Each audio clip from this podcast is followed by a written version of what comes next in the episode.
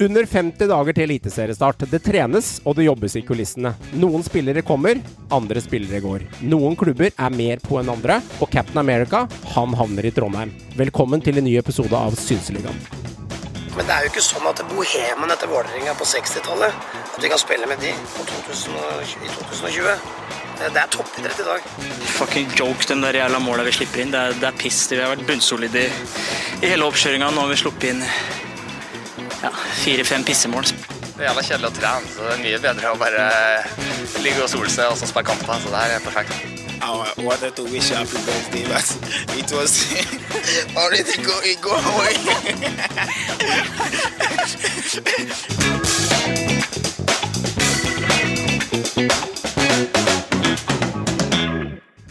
Velkommen, kjære lytter. OL er i gang. Eliteserien er under 50 dager til eliteseriestart. Det er selveste Valentine's Day i dag. Men som hør og bør, vi samles vi gutta og disker opp med en ny episode. Og eh, Meran, vi kan jo starte hos deg. Eh, Vi trodde kanskje du skulle diske opp med roser på sengekanten og middag og champagne, men du har litt nyheter til oss? Ja, det er vel kanskje nå jeg innser at jeg er singel med stor S, da. Det sitter og prater fotball med gutta boys på, på Valentine's Day, men det er bare hyggelig, da. Ja. Det, er, det er koselig. Og jeg er enig, vi forplikter oss til lytterne selv på Valentine's Day, hvor jeg Dagen etter eh, Mother's Day, Håvard. Eh, morsdagen blir feira. Det blir, blir jo mange sånne merkedager land og strand rundt, da, uavhengig. Det er, man må følge med i timen, og bankkortet det, det går varmt med 324 og 628 der. Det er stadig vekk utgifter ut. Ja, ja, ja. Det koster å være kar. Eh, Det er oftest vi som må dra på, sånn er det jo. Så eh, dro på i går til morsdag, så det en liten overraskelse i dag òg. Så da håper jeg fruen er fornøyd. Herlig. Så, eh, så ja da. Vi har feira morsdag her, og vi har kost oss litt på Valentine's. Men podden, den stopper ikke for det. Den stopper ikke. OL på deg, Joakim. Er det noe OL, eller er det disse nedtellingsdagene med én strek på kjøleskapsveggen for at det er under 50 dager til eliteseriestart som gjelder? Nei, nå har jeg faktisk sett litt på OL de siste dagene, for jeg har vært låst hjemme med en datter med covid. Ja. Så nå har jeg faktisk fått med litt OL. Eh, Jeg skal slutte med det, for jeg så jo hopp i stor bakke i dag, og da ble det fjerdeplass. Så da skal jeg bare gå tilbake til å ikke se på OL igjen, ja. sånn at Norge kan ha noen medaljer igjen. Men, Men, eh, det var jo bra hoppgull her om dagen, da, så vi har jo fått noe hefte der òg. Ja, Ja, men da- første siden 60-tallet. Den Ja. Nei, den gjelder ikke, for du så den ikke. Er det sånn der? er? ja, når jeg satt der og så på, da gikk det rett åt skogen. Ja, Så da ble det fjerdeplass, og så måtte tyskerne Det var skuffende, faktisk. Ja, Laghopp. det greier.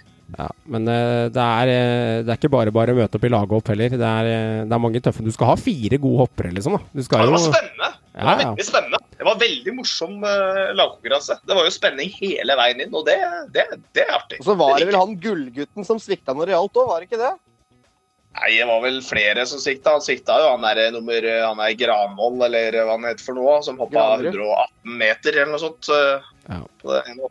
Så den svikta litt i alle ledd. eh, Men eh, nei da. Eh, OL, litt artig, men eh, det er fotballspiller. Men for å gi han Lindvik et lite shout-out, da. Første hoppgull i stor bakke siden 60-tallet, det er eh, enormt. Heftig. heftig. Satt og så på jentenes kvalifisering til slopestyle jeg, i, i Beijing her. Litt på morgenkvisten. Ja ja. Til kvalifiseringa til finalen. Husker ikke hva hun het, hun norske, men hun kom på andreplass. Ja, 0,14 poeng bak. 86 blank mot 86,14. Altså, vi har en mulighet faktisk på gull i slopestyle, og det, det, de bakkene der det er, det er nesten sånn at det, det er nesten ikke til å tro, fordi at når du ser de bakkene så er det sånn at det, det ser ut som sånne eh, eh, så, så, sånn snøbakke i en Disney-film. Helt perfekt laga bakker. Det er, det, er, det er ikke slinningsmål for en dritt, altså. altså. De er så perfekte, de hoppa, og det ser så bra ut. Og det er utrolig kul sport å se på. Det er fett å se Vi har jo allerede tatt gull med Birk Ruud i det samme sporten. Ja, han var helt sinnssvak, men det er gøy å se at vi ja, det er gøy å se at vi har flere. Vi har, har ikke bare ett kort lenger. eh, Og det er veldig, veldig moro å, å oppleve nye sporter i OL. Jeg elsker jo det. Så, eh, men nok OL-prat. Fire og et halvt minutt med OL. Vi får, vi får leve av med det. Det ruller videre Eliteserien heller. Altså, Håvard, vi kan jo starte hos deg. Niklas Valstad, Branndøderen med 0-1 eh, for Mjøndalen. Den håpløse kampen da Mjøndalen ikke produserte en dritt. Og så gikk de og stjal seieren på Brann stadion, hvis jeg ikke husker galt, i fjor. Han havner i Haugesund. Uavgjort. Ble det. Han havner i Haugesund fra eh, 2022. Så vi kan jo starte litt Haugesund-prat. Vi har jo den, eh, den omskolerte stopperen. Altså, han ble jo henta til MIF i fjor fra Ullkisa som back. Og i løpet av sesongen så ble han omskolert som stopper og fikk mye skryt sammen med Markus Nakkim. Selv om det laget rykka ned, så var Valstad god som stopper. Ja.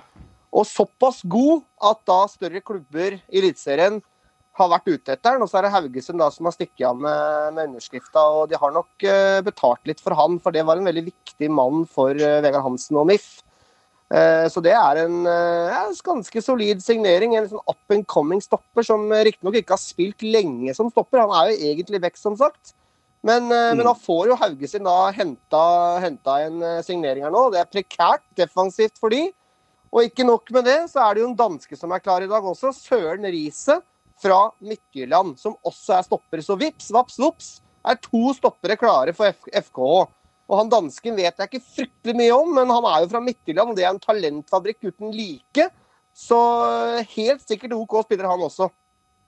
Ja, altså Det er jo viktig, også, ikke, altså defensivt, men de må jo bare hente hva som er. Så det er gøy å se at Haugesund nå faktisk begynner å hente inn noen spillere. Eh, for det er det som du er inne på, det er prekært, det er vesentlig for den klubben. Den, den så ribba ut. Eh, men hvis det nå, dette er starten nå på litt innhenting av litt uh, ymse fra land og strand rundt om i landet og litt i utlandet, så kan det begynne å se bra ut. For det er klart, du trenger bare en, ja, få plass en fire-fem spillere, og så er liksom plutselig staden OK igjen. Eh, Så dette er godt å se. Men vi skal ikke mer enn tre uker tilbake, hvor vi hadde VG-artikkelen med at Haugesund er i store økonomiske problemer. Så ja, hvor skal, først og fremst, hvor fikk de penger til å hente de to, og hvor skal de, hvordan skal de klare å hente fire-fem til? da? Jeg vet ikke om de fikk så mye for, for Vinga. Kan det fortsatt være økonomiske problemer, da? Det snur seg ikke på tre og en halv uke, Eh, det. Jeg har faktisk eh, litt info om det. Jeg har fått en eh, Det holdt jeg på å si var med litt kritiske øyne mot Haugesund, med rette, pga. den VG-artikkelen bl.a. Men det sies nå at de har fått kontroll. Dette er fra Haugesund-hold. da. Det er fans som har tatt kontakt osv. Det, det liker vi. Ta kontakt, gjerne Mm. Med ris og ros. Det er hyggelig. Eh, at de visstnok har fått kontroll nå på økonomien. De har fått en, inn, en avtale med kommunen om, om eh, stadionavtalen og, og leien okay. der. Og visstnok så er økonomien sunnere nå på Haugalandet. I tillegg har de solgt ganske bra med spillere for OK summer, bl.a. Velde Mm. for nesten 15 millioner. Så økonomien er ikke kjempebra, men den er er, den er stabil. Og nå tror jeg nok, som vi er inne på her, at vi kommer til å få se litt flere spillere inn eh, i Haugesund, og starter da med to stykker inn i dag. Så jeg tror på en måte jeg er over den kneika. Eh, er i gang, da. økonomien. Ja, altså Det store problemet var jo den der eh, økonomiske disputten de hadde med kommunen. Og, Yes. kommunen, og det er jo riktig som du ser, var jo en sak på det. Kommunen innfridde den gjelden. Sånn at Ja. uh, de fristilte Sandefjord eh, fra de gjelds... Uh, Haugesund. Haugesund. Haugesund. ja, Haugesund for det gjeldsobligasjonen de hadde inne. Eh, og da Og det var nok okay. veldig viktig å få den på plass. Eh, Og nå Yes. har de litt mer handlings, handlingsfrihet. Og, for rett skal være rett. eh, At økonomien er sannsynligvis Men det er ikke noe rik klubb, Haugesund. Men nå, nå har de jo da penger til å hente litt erstatter, og det, det tror jeg var jævlig prekært. For vi begynte jo å snakke om nedrykk og sånn, vi, vi gutta her. Så det Ja, så ja, litt, det litt tynt ut. Og nå, nå kommer det litt spillere inn, da. Så får vi se om, det, om hvor bra det blir. Ser lysere ut for araberne, da, med andre ord. Så det er bra. Ja, altså jeg har vært skeptisk til Haugesund lenge. Jeg har tenkt at øh, det, det, dette er ikke bra nok. fordi at Når du mister sentrallinja så mye, og du kjører Søren Risset er- Søren Risset! Litt little bit France her. Eh, Når du kjører han inn i bordet, eh, og kjører Niklas Valstad det er ikke, Jeg er ikke akkurat superimponert hittil. Altså, det, det, det, må komme noe mer. det må komme noe mer. Det er ikke Ja, det, er det må. ikke, Ja, det må komme noe mer. Jeg syns det um, Ja, hva skal jeg si for noe? Eh, du setter en lit til veldig mange av de som er der fra før av, som kanskje ikke leverte på øverste hylle i 2021. eh, og så har du mis nei, 2021, ja, og så har du mista de som leverte på øverste hylle i 2021. Eh, så det vil si at du er veldig avhengig av flere ledd. For det første, økonomi er én ting, men du er også avhengig av de som ikke var krontappen i laget i 2021 må ta ett eller tre step i 2022. I tillegg til at du skal treffe på overganger. Eh, det er mange ting som skal klaffe her. Eh, det Ja, jeg, jeg, jeg, jeg er småskeptisk, jeg må innrømme det. Jeg så faktisk nå at Haugesund hadde spilt eh, kamp mot russisk toppklubb. altså Jeg husker ikke farten. Jeg tror kanskje det var Rostov eller et eller annet sånt. Jeg, er ikke helt sikker, men faktisk slo de, da. Og både Martin Samuelsen og, og Søder skåra. er treningskamp, men kanskje de er litt på gang med, med Haugesund nå. Det er kanskje noe på gang der, ja. Holmar uh, reiser tilbake igjen. Valur uh, til Island. Så det var ikke et langt opphold han fikk i Rosenborg. Han hadde jo en veldig god periode første gangen han var der. En litt mer bob-bob-periode i andre perioden han var her nå i ett og et halvt år. Så jeg syns ikke merker det på RBK-miljøet også, at eh, jeg tror ikke han blir enormt savna, eh, faktisk. Han er en bra, bra stopper. Han, eh, Rosenborg hadde litt rot i rekken i fjor. Eh, og så får de eh, en ny eh, stopper inn der, og det blir jo spennende. Ja, altså Holmar har jo vært en tro tjener for RBK i to perioder nå, men jeg tror på en måte nå var ringen slutta. Nå ville han mm. hjem til Island og på en måte avslutte karrieren sin der, sannsynligvis. Sikkert hjem med familien osv. Ville, ville hjem til røttene. Og så er eh, det kanskje rett tidspunkt å bygge nytt. For nå har jo nettopp Captain America, Samuel Rogers, kommet inn til eh, Reka og Frigård og, og Rosenborg og skal bli eh, en eh, sannsynligvis viktig brikke i forsvarstreeren bak, sammen med eh, Gampioli. Og det virker som at det også blir Markus Henriksen, for han drilles som stopper. Og eh, det tror jeg nok blir fort rekka, rekketreeren bak, da, defensivt. Det er helt riktig. Det ser litt sånn ut på de treningene som har vært der òg. Uh, så du, du, begynner jo å få noe her. Uh, Augustinsson, og så har du denne argentineren som jeg ikke husker helt navnet på akkurat nå. Og så Campioli. Har du, Campioli. Og så har du Captain America, og så har du Marcus Henriksen. Uh, spørsmålet er det bra nok med to av dem på toppnivå, eller er de fire jevne spillere der hvor ingen av de er i top notch? Jeg vet ikke. Jeg bare synser. Eh, fordi det høres jo grei dekning ut akkurat nå. Jeg syns det er eh, litt spennende, sannsynligvis. For Rogers spilte høyre eh, stopper på treeren, og Gampioli trolig ut til venstre, mens Henriksen skal spille sentralt. Eh, og skal sikkert styre rekka bak der. Så de to eh, Vi vet jo ikke mye om San Rogers. Han har spilt 17 kamper Obos-fotball, og han var veldig god i Obos. Men det er et knepp opp eliteserie. Gampioli vet vi fryktelig lite om. Men det er jo en talentfull spiller med, med gode skussmål. Henriksen, uprøvd som stopper på dette nivået, han også, faktisk. For det er jo en midtbanespiller han egentlig, egentlig, er. Så det er veldig sånn spørsmålstegn rundt den, eh, den defensive trioen til RBK. Men jeg har på en måte litt sånn følelse av at det kan bli ganske bra, faktisk. Det er ganske bra giv i RBK-laget, da. Det skal sies. Eh, det, må, det, det, må, det, må, tas som en positiv ting. Altså, de slår veldig Ser ut som det er god stemning. Ja, ser ut som det er god stemning, og, men jeg er litt skeptisk til spissplassen der. Det, Noah Holm er spennende, men han er liksom, sånn, eh, litt sånn irriterende spiller. For han liksom er på en måte spiss. Eh, brenner litt for mye. Eh, du ser det på disse treningene RBK spiller også. Det er, sånn, det er klare ting du skal putte i kassa, liksom. Det fyker, sleiver av skoen, havner på utsida, i stang ut og mye greier. Jeg syns det var i Eliteserien i fjor. Enten er det helt briljant, eller så er det litt off core, altså. Han er en sånn typisk sånn uslepen diamant. Han er liksom ikke helt der ennå. Uh, han er ikke noe typisk goalgetter. Han er, han er råskap og, og, trøkk og fart og styrke, men er vel ikke noe typisk goalgetter som skårer 20 mål. Den ser jeg ikke helt ennå. Men jeg har en liten følelse at det kanskje kommer noe mer inn, jeg da. Uh, for, for Noah kan plutselig også bli brukt som en slags kant, ikke sant. Så Eh, de har jo mista en del vinger med, med Seid der, så, så, og flere. Mm. Så eh, jeg er litt usikker på om Noah Holm kommer til å spille, men enn så lenge blir jo han midtspiss. Hvis ikke det kommer noe mer inn. Men jeg tror ikke Toshin og Reka er ferdig med å handle. Det tror jeg ikke. Mm. Du har vært ganske positiv til Rosenborg, eh, Joakim, og sagt at, uh, i, i siste episoden at du faktisk ser det litt med positive øyne. Er, er du fortsatt der? Uh, at du tenker at det kan, det kan, være noe bra noe med det RBK disker opp med 2022?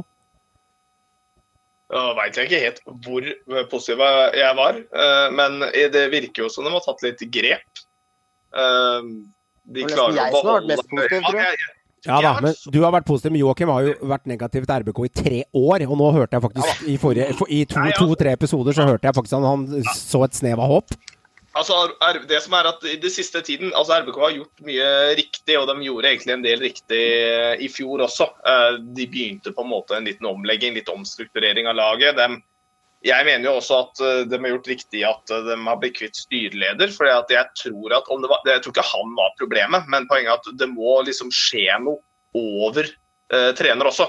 Kan ikke, alt kan ikke bare ligge på trener. De må, de må vise at eh, de som sitter over trener, også faktisk har et ansvar da, eh, og må gå.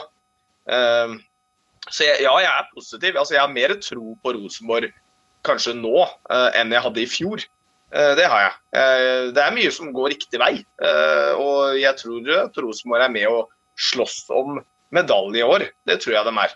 Om de er der oppe topp tre, det, det, er jeg ikke sikker på. Ikke nødvendigvis. De er ikke noen soleklar topp tre-kandidat for meg, eh, sånn i forhold til mange andre lag. Eh, det er helt på det jevne. Men ja, det, ja, altså, ja. jeg syns det ser bedre ut eh, enn det gjorde i fjor. Det, det gjør jeg.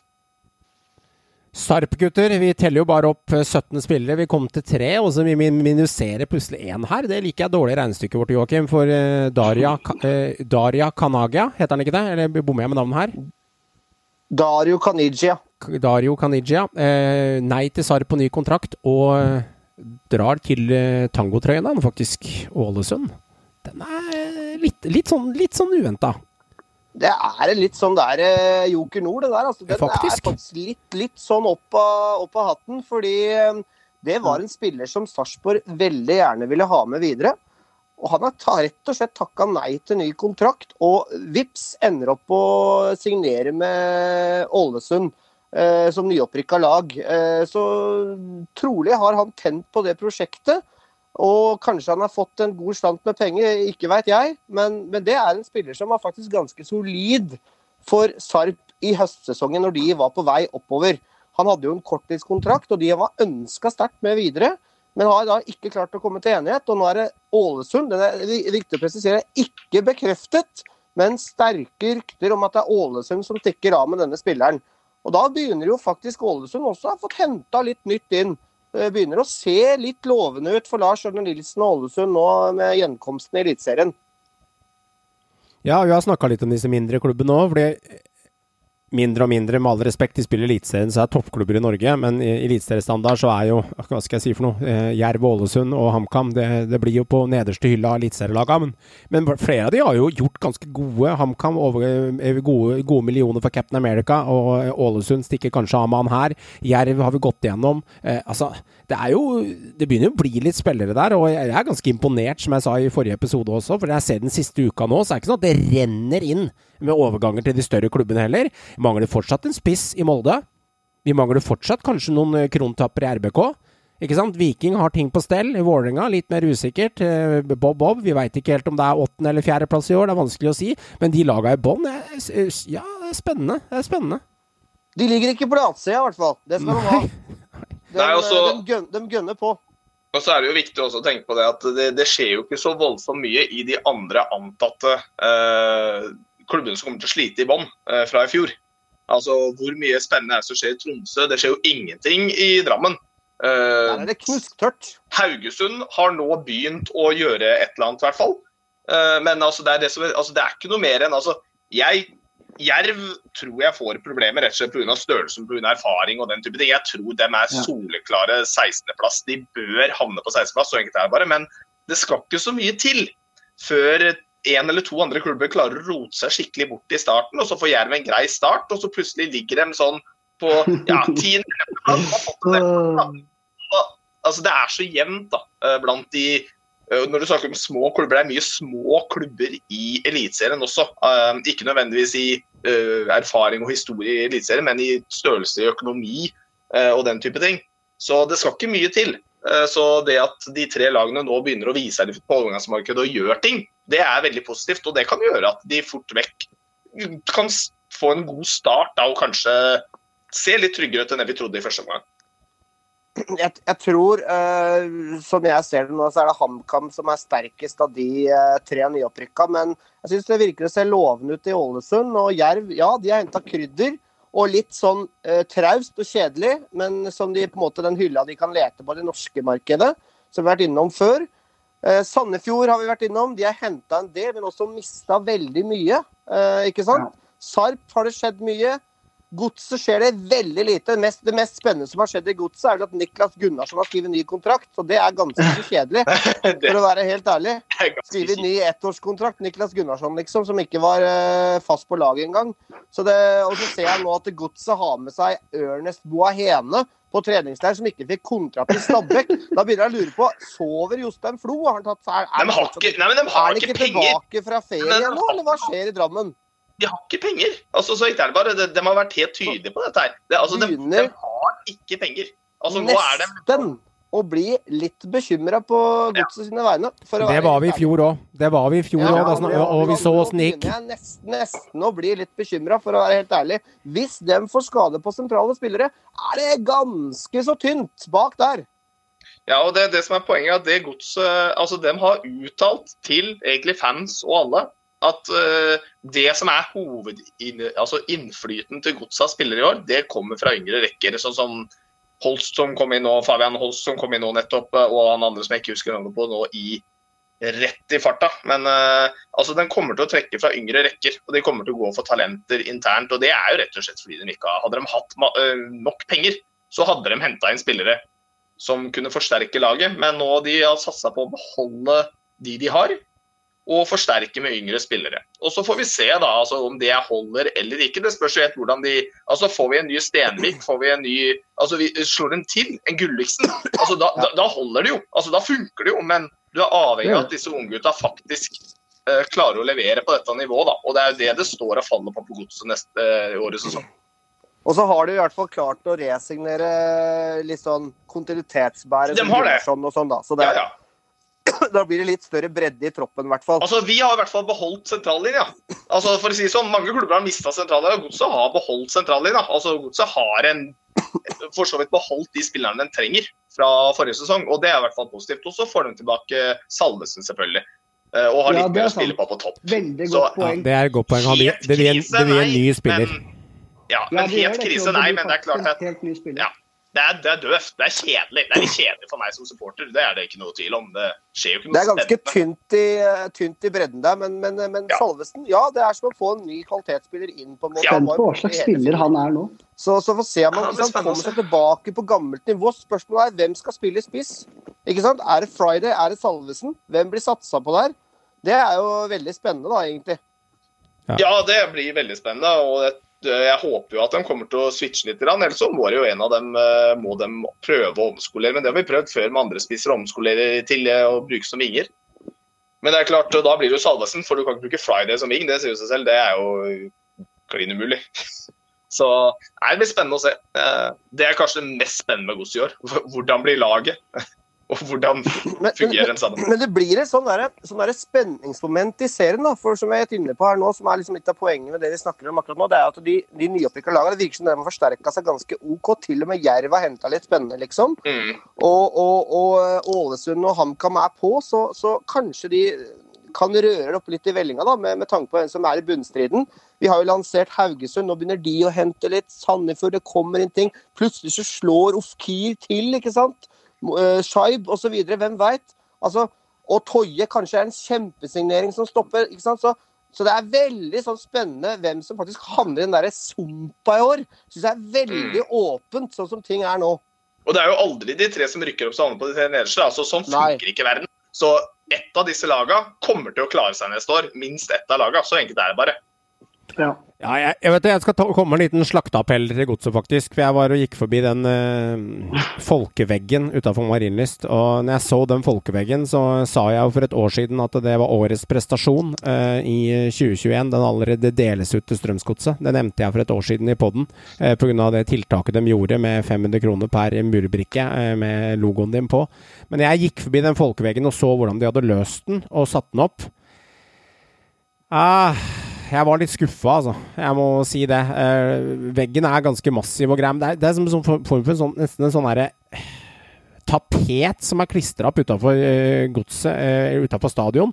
Med, det er en folkevegg, vel bevares, og de leverer akkurat innafor det den skal gjøre. Men uh, mursteinene er kjempesmå, og du må jo helt inntil for å se navnet ditt. Det er ekstremt liksom ikke at det skal skrike utover hele plassen, det er ikke det jeg mener. Men jeg syns liksom håndverket som er laget etterpå der, når de har brukt penger på å mekke sammen det der, det, det ser ut som de har fått inn ganske mye penger på totale prosjektet.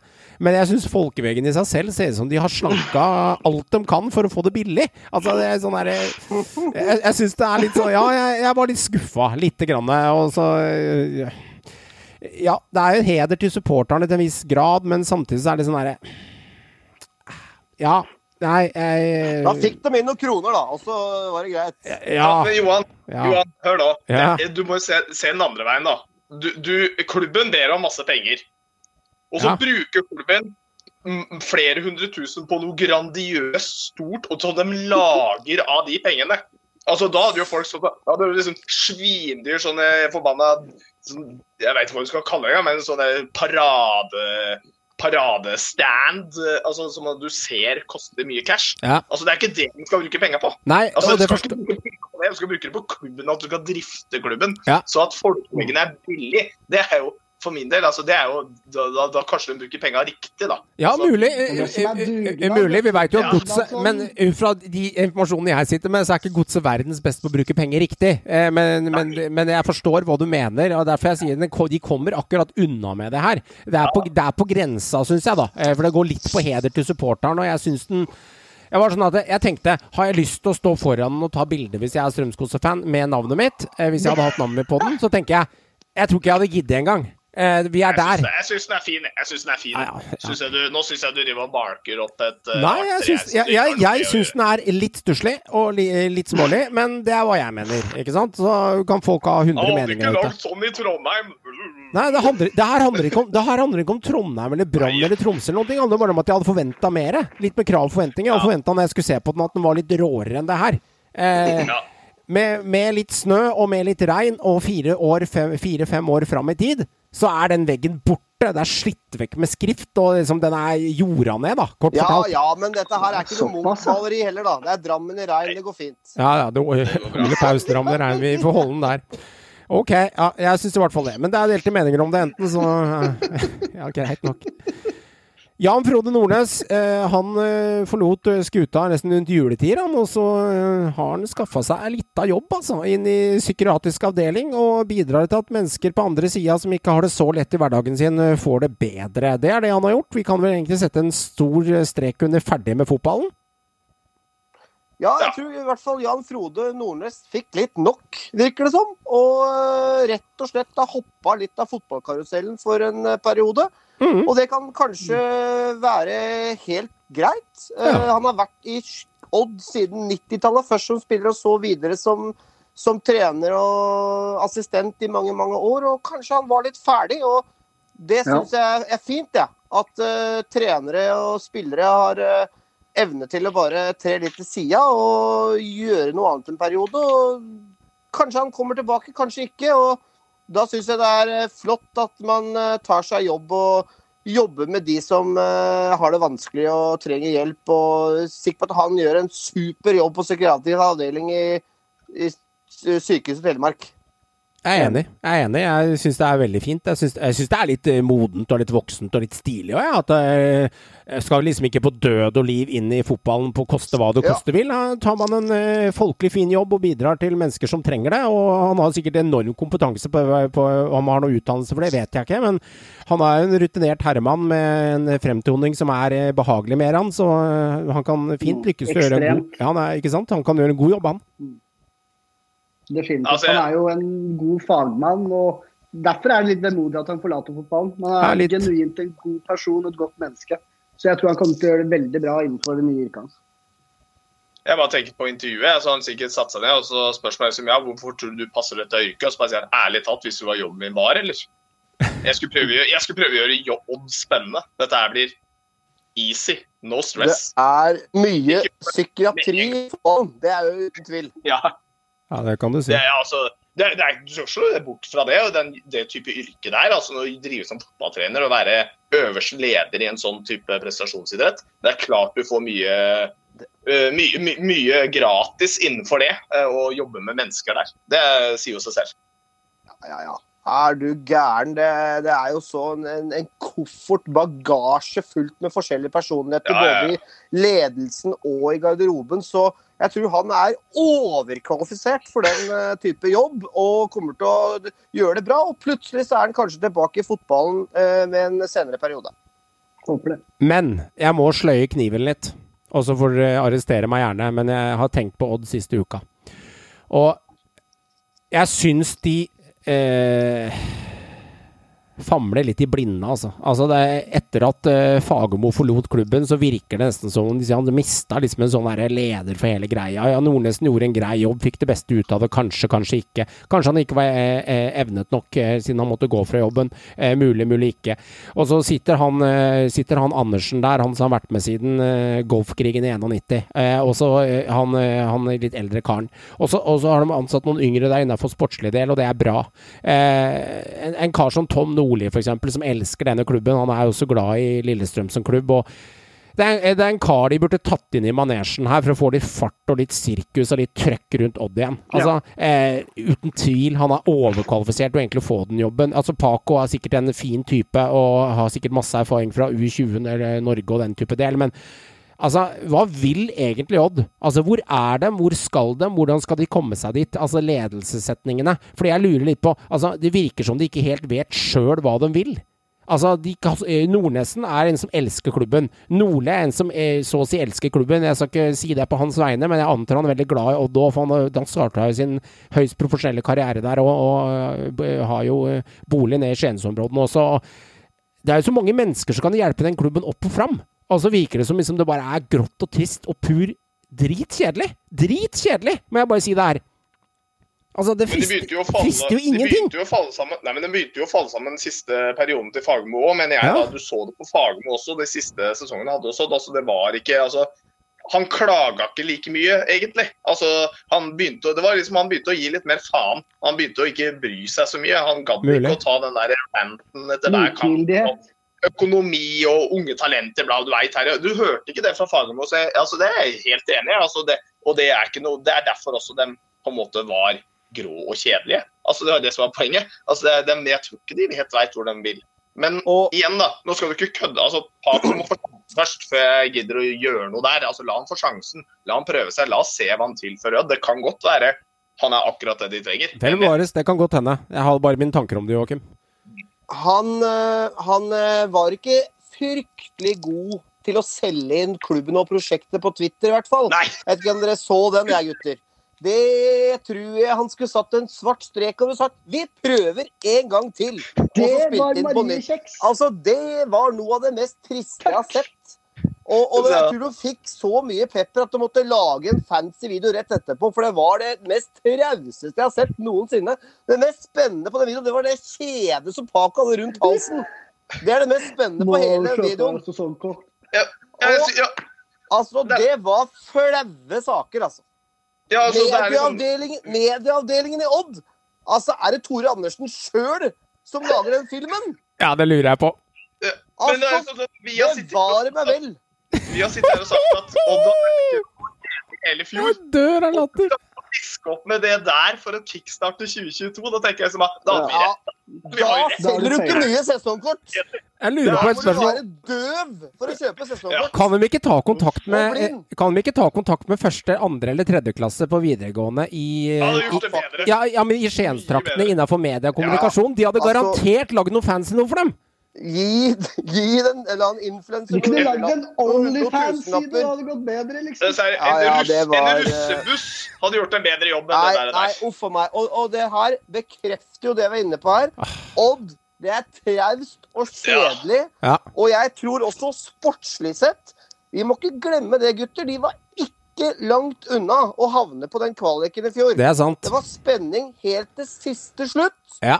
Eh, hadde de ikke slått Stabæk så kunne de endt på den kvaliken. Og da skal jeg, si, og da skal jeg si en ting til. Og nå skal jeg ikke ferdig. Ja. Og det eneste de har henta inn, det er en 19-åring fra Skeid. Ja. Som ikke har prestert på dette nivået i det hele tatt. Det er det eneste som har kommet inn. Ja. Jeg er litt bekymra på Odd sine vegne sportslig også. Og da kommer vi egentlig litt til det quiz-spørsmålet som Joakim hadde for et par runder siden, der jeg klarte å resonnere meg fram til Bakenga med et snitt, skåringssnitt på 0,94 eller et eller annet sånt noe. Han ja. skåra jo 11 skåringer på 15 kamper. Og hvis du fjerner det i tillegg, ja. som ikke du får i sesongen 2022 da er de jo nede og uh, sirkler langt ja, ja. ned i grøten. Fordi at han redda dem i mange, mange matcher. Så jeg kan si at altså, det er bøttetrist. Altså, jeg kan si Det er litt, litt, hardt av meg å si, men vet du hva de burde gjort for noe? Og nå sier jeg det bare rett ut. Jeg har tenkt på det eh, i en uke som har vært nå. De burde ringt. Jeg veit at Tom Nordli er en del av poden vår i ny og ne, men nå, nå gidder jeg ikke holde det inne lenger. De burde ringt Tom Nordli. Så burde de sagt at de trenger hjelp til å skape offensiv, angrepsvillig fotball og litt trøkk i klubben her. Så vi får solgt noen popkornbøtter og noen flasker med vann i pausen. For nå må det skje noe. Altså, eh, altså det, det, blir for, det, blir rett og slett for kjedelig. Han er en kar som har masse fotballkunnskap, og er en karakter som folk liker å se. For han har peiling, liksom. Ja, og, og, det, og, det, med Tom tilbake i manesjen, det hadde skapt trøkk. Ja, det digga det. Det, det hadde det. Og jeg eh, tror at Odd kommer til å være Eh, en av klubbene som kommer til å kjempe mot nedrykk, for å være helt ja. ærlig. Jeg tror at uh, Odd, jeg, uh, sier ikke Jeg tror de er redd kunnskapen til Tom. Jeg tror de er redd det fagfeltet han sitter på, og det alt, den, alt det han besitter med fag gjennom 30, 30, år med fotball. At jeg tror rett og slett at kunnskap er en hindring her, faktisk. At de er redd for faktisk at det blir for mye, at han kommer til å overta alt mulig full rulle. Men det er kanskje det som skal til. For akkurat nå så driver de og svømmer bare på jeg, sånne vannflak. Jeg tror Odd hadde trengt en sirkusdirektør, for det har de savna siden Fagermo. Og det kunne Tom vært på en god måte i Skien. Ja, ja, ja, han tar mye plass og alt den, den, biten der, men jeg tror han hadde gjort en god jobb. Og sånn som de driver klubb nå, det begynner å se litt stygt ut, spør du meg. Ja, det er fortsatt en, OK, en del OK spillere igjen der, men der må det komme en del mer. Jeg syns ikke han Thomas Skilbreid heller, som hadde kontaktnett eh, her og der som tidligere agent, var han egentlig klart å få inn siden han kom i jobben er, eh, det er svakt levert på overgangsmarkedet, altså. Ja, det er stusslig. Jeg er enig med deg, Håvard. Eh, Joakim, quizen. Ja. Den eh, yes. Ja, ja, jeg syns det er ganske bra nivå. Det, jeg skal ikke si setningen, det er ikke som legenden i fjor, men jeg må si at det kommer seg fra uke til uke, dette her. Og eh, dette er Jeg sa det jo selv om jeg ikke skulle si det, men jeg må si dette begynner å ligne noe. Spennende, spennende. Ordet er ditt. Ja, nå har det begynt å ta form, føler jeg, og det er veldig viktig. Ja. Nå glir det fremover, så nå har vi begynt å få en fast uh, flyt i dette her. Så nå uh, er jeg enig. Nå begynner det å se bra ut. Så vi kjører vel bare rett på, da. Uh, vi sier det så enkelt. Skal ikke bruke mer tid nå. Kjør på. det litt spennende nå er jo at vi har jo fått inn to nye kategorier denne runden. I og med at uh, ferdigsatt i fjor. nei, forrige uke. Så da, da, går jeg gjennom de fire som vi har hatt før, og så får dere de to nye til sist. Kjør. Eh, det er jo Krigsprisen Gullballen. Der tok dere 300 forrige runde, så det er igjen fire forskjellige. Eh, årets nykommere har dere endelig begynt å jobbe litt med, så der er det bare 100 og 200 igjen. Eh, Eliteserien i 2021, der har dere en 100 og 500. Og rekorder, der står det en 100, 400 og 500. 100, I tillegg til de, ja så er det da to nye kategorier. Den ene er tabellen siden 2009. Herregud. Ganske åpen, mm. uh, åpen kategori, men det er da siden vi gikk over til 16 lag. Ja. Uh, og så er det året var. Det er litt sånn litt egen type. Der får dere reservert toppskårer, sisteplass og bronsevinner. Og så skal dere komme fram til riktig år. Oi! Ja, den er litt spennende. Ok. Oi, oi, oi. Den er seit. La meg få de, ja. Det er uansett seigt. Ja, Her er det seigt. Men, uh, men, det er greit, for det minuspoengene kommer når en annen klarer svaret. Ja, så ja, Så klarer det, så er det, og en annen klarer det, så er da du får uh, smekk på punkt. Og det er fortsatt joker inni her som kan dukke opp? Det er fortsatt joker som kan dukke opp, ja. Det er det. OK. Da har vi gått runden av fire runder, for det er det jeg holdt opp her. Så da er det tilbake på Håvard nå. Jeg prøver eh, det nye spennende. Året var Året var 300. Ja. 300. OK. Da bare for klargjøre denne her litt, så at man husker det. Du får toppskårer, bronsevinner, sisteplass. I den rekkefølgen. OK? Jeg skal svare på alle tre, ja. Nei, du, du, Det er det samme året, Håvard. Det er det samme året. Ja, du skal svare på hvilket år dette her er. Ja, ja, ja, skjønner. Yes, Så du får ikke året og skal finne alle tre. Greit, jeg, Nå, jeg tenkte Det hørtes uh... det, er, det er et nivå videre, ja, føler jeg. Ja. OK, er du klar? Ja, ja, det er et nivå. Jeg er klar. Året var Pritcha toppskårer, bronsevinner Stabæk, sisteplass Lyn.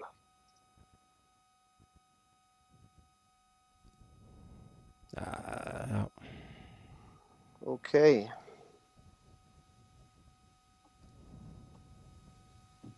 Uh, 2009. Det er helt korrekt. Yes! Klapp, klapp, klapp. klapp, klapp. klapp. Bra, Håvard. Bra. Den var bra. Håvard. Res resonnerte meg oppi mitt eget hode der. Hvor kom, reson resonnementet igjen? Hvor var det det avgjorde at det ble 2009? Fordi jeg, eh, jeg eh, husker jo selvfølgelig at min kjære Brann tok gull 2007. Så tok Stabæk 2008. Og så husker jeg at Stabæk da eh, floppa litt ned. Og så husker jeg Pritcha var vill den følgende kommende sesongen. Ja, ja. Og da var jeg ganske sikker på at det var Det er en liten felle der. Det kunne vært fella med 2010 når Eggen kom tilbake. Og for Mhm. Man kan blande der, men øh, ja, riktig. Kjør. Det kan man. De neste Neste spørsmål, Håvard.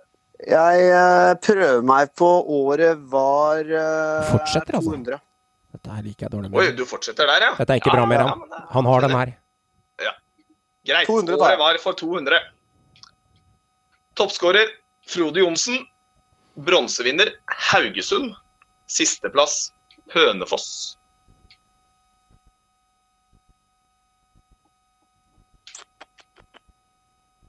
Uh, Toppskårer Frode Johnsen. Det kunne vært Det kan være mange år, det. Ja, det kan det. Det er ikke enkelt. Den er ikke enkel, nei. Jeg eh, sier 2004.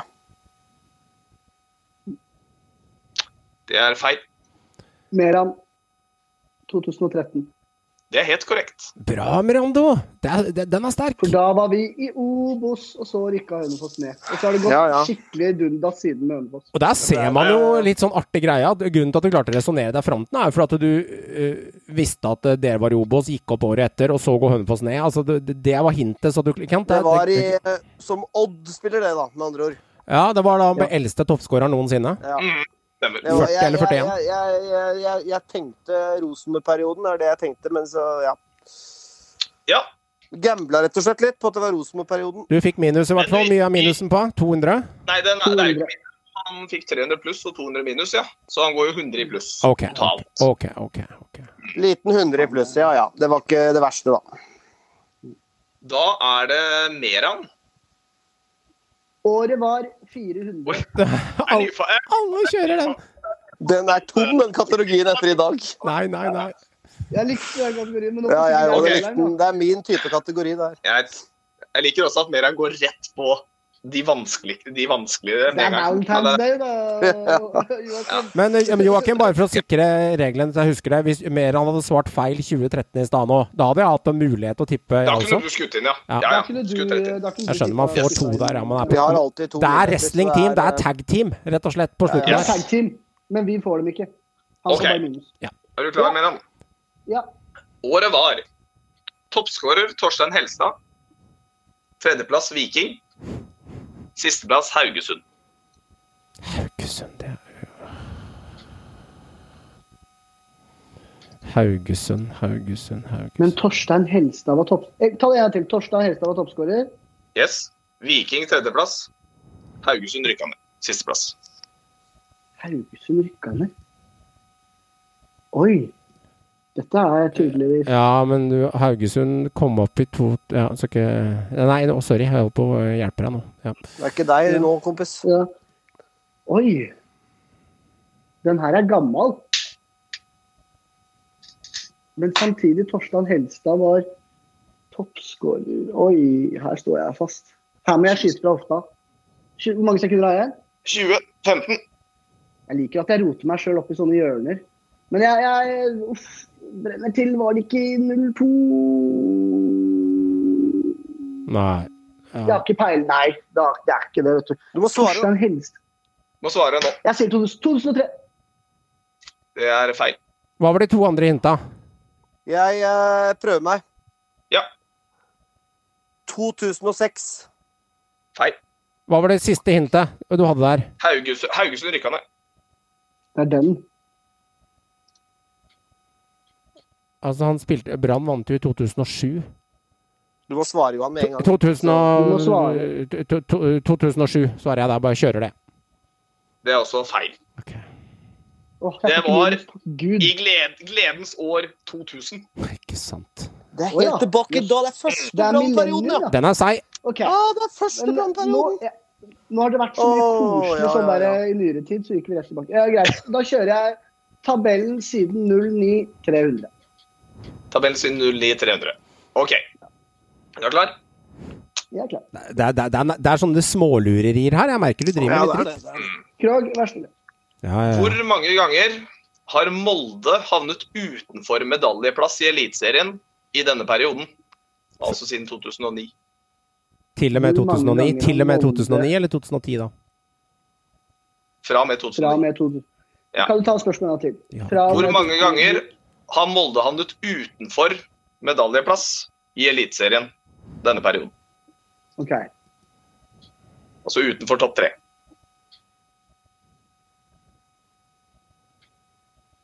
Du må regne fram gulla, vet du, Meran. Ja, det er det. Det er ikke enkelt. Resonner gjerne høyt hvis du vil. Nei, jeg tør ikke. Det er flaut. Det kan hende jeg driter meg ut.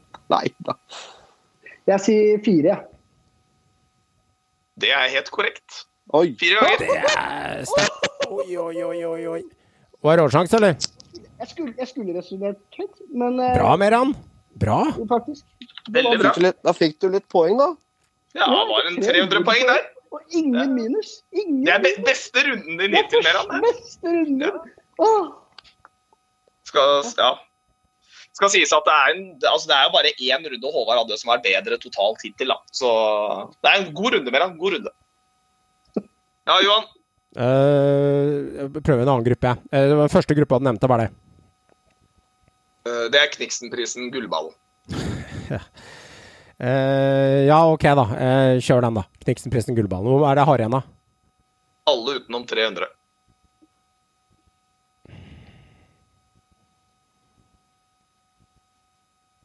Ja, greit. Ta 400, da. OK. Ja, jeg kjører. Ja.